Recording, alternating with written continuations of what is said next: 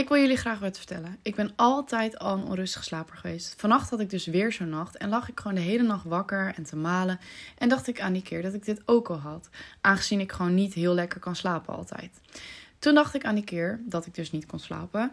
En was het zo erg dat ik zo lang wakker lag dat ik dacht: ik ga gewoon even een nachtwandeling maken buiten. Gewoon eventjes om mijn hoofd te liggen. Ik deed dus mijn jas aan en het was echt heel erg koud buiten. Want het was ook rond deze tijd, dus bijna in de winter. Maar ja, ik dacht ik moet gewoon eventjes doorzetten. Gewoon eventjes naar buiten. En daarna kan ik weer lekker snel mijn bed in. Lekker warm. En is mijn hoofd hopelijk leeg. Kan ik gewoon normaal slapen.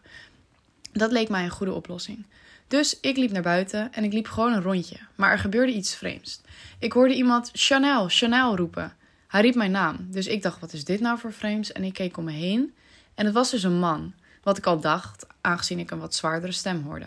Dus ik keek de man aan en hij, hij vertelde mij dat hij Jozef heet. Nou, ik had hem echt nog nooit gezien. Ik kende hem helemaal niet en ik vond het een beetje gek, deze situatie. Ik vroeg aan hem, waar komt hij vandaan? Hij vertelde mij dat hij hier heel, heel ver vandaan kwam en dat hij al heel lang onderweg was met zijn vrouw. Zijn vrouw heette Maria, vertelde hij mij. Ze waren op zoek naar een plek om te slapen. Ze waren dus net zoals ik al de hele nacht wakker. Alleen wat nog erger was, is dat zij gewoon op zoek waren naar een plekje om te slapen. Dus zij liepen al de hele nacht buiten in die kou. Ik dacht, weet je wat? Ik ga gewoon meehelpen zoeken. Want ja, ik ga niet zomaar vreemde mensen in mijn huis laten slapen. Dat vond ik een beetje gek en onbetrouwbaar. Want ja, je weet het nooit. Mijn moeder zei altijd: laat nooit vreemde mensen in je huis. Nou, dus ik meelopen, gewoon gezellig gekletst, op zoek naar een plekje voor Jozef en Maria om te slapen. Maar ja, volgens mij waren heel veel mensen al aan het slapen. Tenminste, dat dacht ik, want bijna niemand deed open. En een paar mensen die wel open deden, zeiden: Nee, sorry, wij laten ook geen vreemden in ons huis slapen. Want ja, ik had dat natuurlijk ook al gezegd. Maar in ieder geval hielp ik wel met zoeken. Na ongeveer twee uur wandelen, rondvragen en zoeken, hadden we nog steeds geen overnachtingsplek voor ze gevonden. Ik dacht, weet je wat? Ik heb ze nu al beter leren kennen en het waren hele aardige mensen.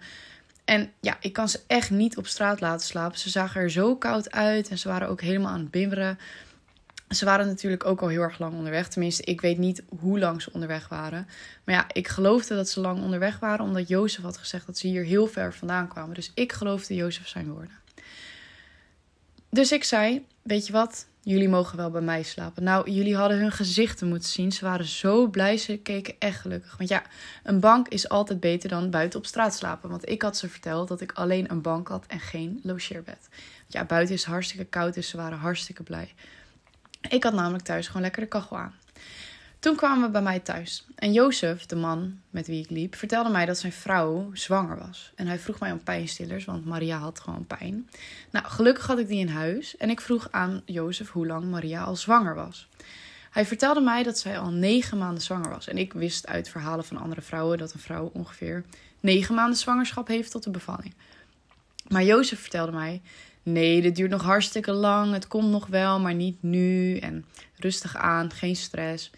Maar ja, ik dacht, volgens mij kan het op elk moment komen. Maar ja, ik heb zelf geen verstand van bevallingen.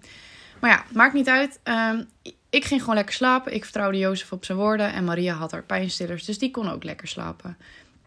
Ehm, ik ging naar boven en ik lag lekker te slapen. Maar op een gegeven moment, halverwege in de nacht, hoorde ik gekrijs. Ik lag namelijk helemaal in de stilte, dus het viel heel erg op. Ik dacht eerst misschien dat er iemand gilde omdat ze dachten dat het een inbreker was. Of ze schrokken van mijn kat, want niet iedereen heeft een kale kat. Maar Maria lag er dus te schreeuwen. En Jozef vertelde mij dat Maria aan het bevallen was. In mijn huis. Dus ik dacht, oh help, wat moet ik nu doen? Maar ik was in ieder geval blij dat het in mijn huis gebeurde en niet op straat. Maar ja, ik ben zelf ook nog nooit bevallen, dus ik heb hier geen ervaringen mee. Ik had gelijk 112 gebeld en had gezegd: Kunnen jullie zo snel mogelijk komen? Nou, de hulpverleners waren gekomen en de bevalling verliep goed, zover ik weet. Ook al zag het er allemaal heel erg pijnlijk uit voor Maria, dus ik vond het hartstikke knap. Ze was aan het bevallen van een jongetje. Ik vroeg aan Maria, toen hij was bevallen, wat zijn naam nou eigenlijk was. En Maria zei: Zijn naam is. En toen werd ik wakker. En het bleek allemaal een droom te zijn. Dus ik had vannacht gewoon liggen dromen over dat ik niet kon slapen. Maar ik eigenlijk gewoon hartstikke diep aan het slapen was. Ik dacht echt dat het gebeurd was. Maar ja, toen werd ik wakker en dacht ik, oh, volgens mij heb ik dit gedroomd. En ik dacht, misschien was ik nog aan het slaapwandelen of zo, maar dan had mijn moeder me wel tegengehouden. Dus dat was niet het geval.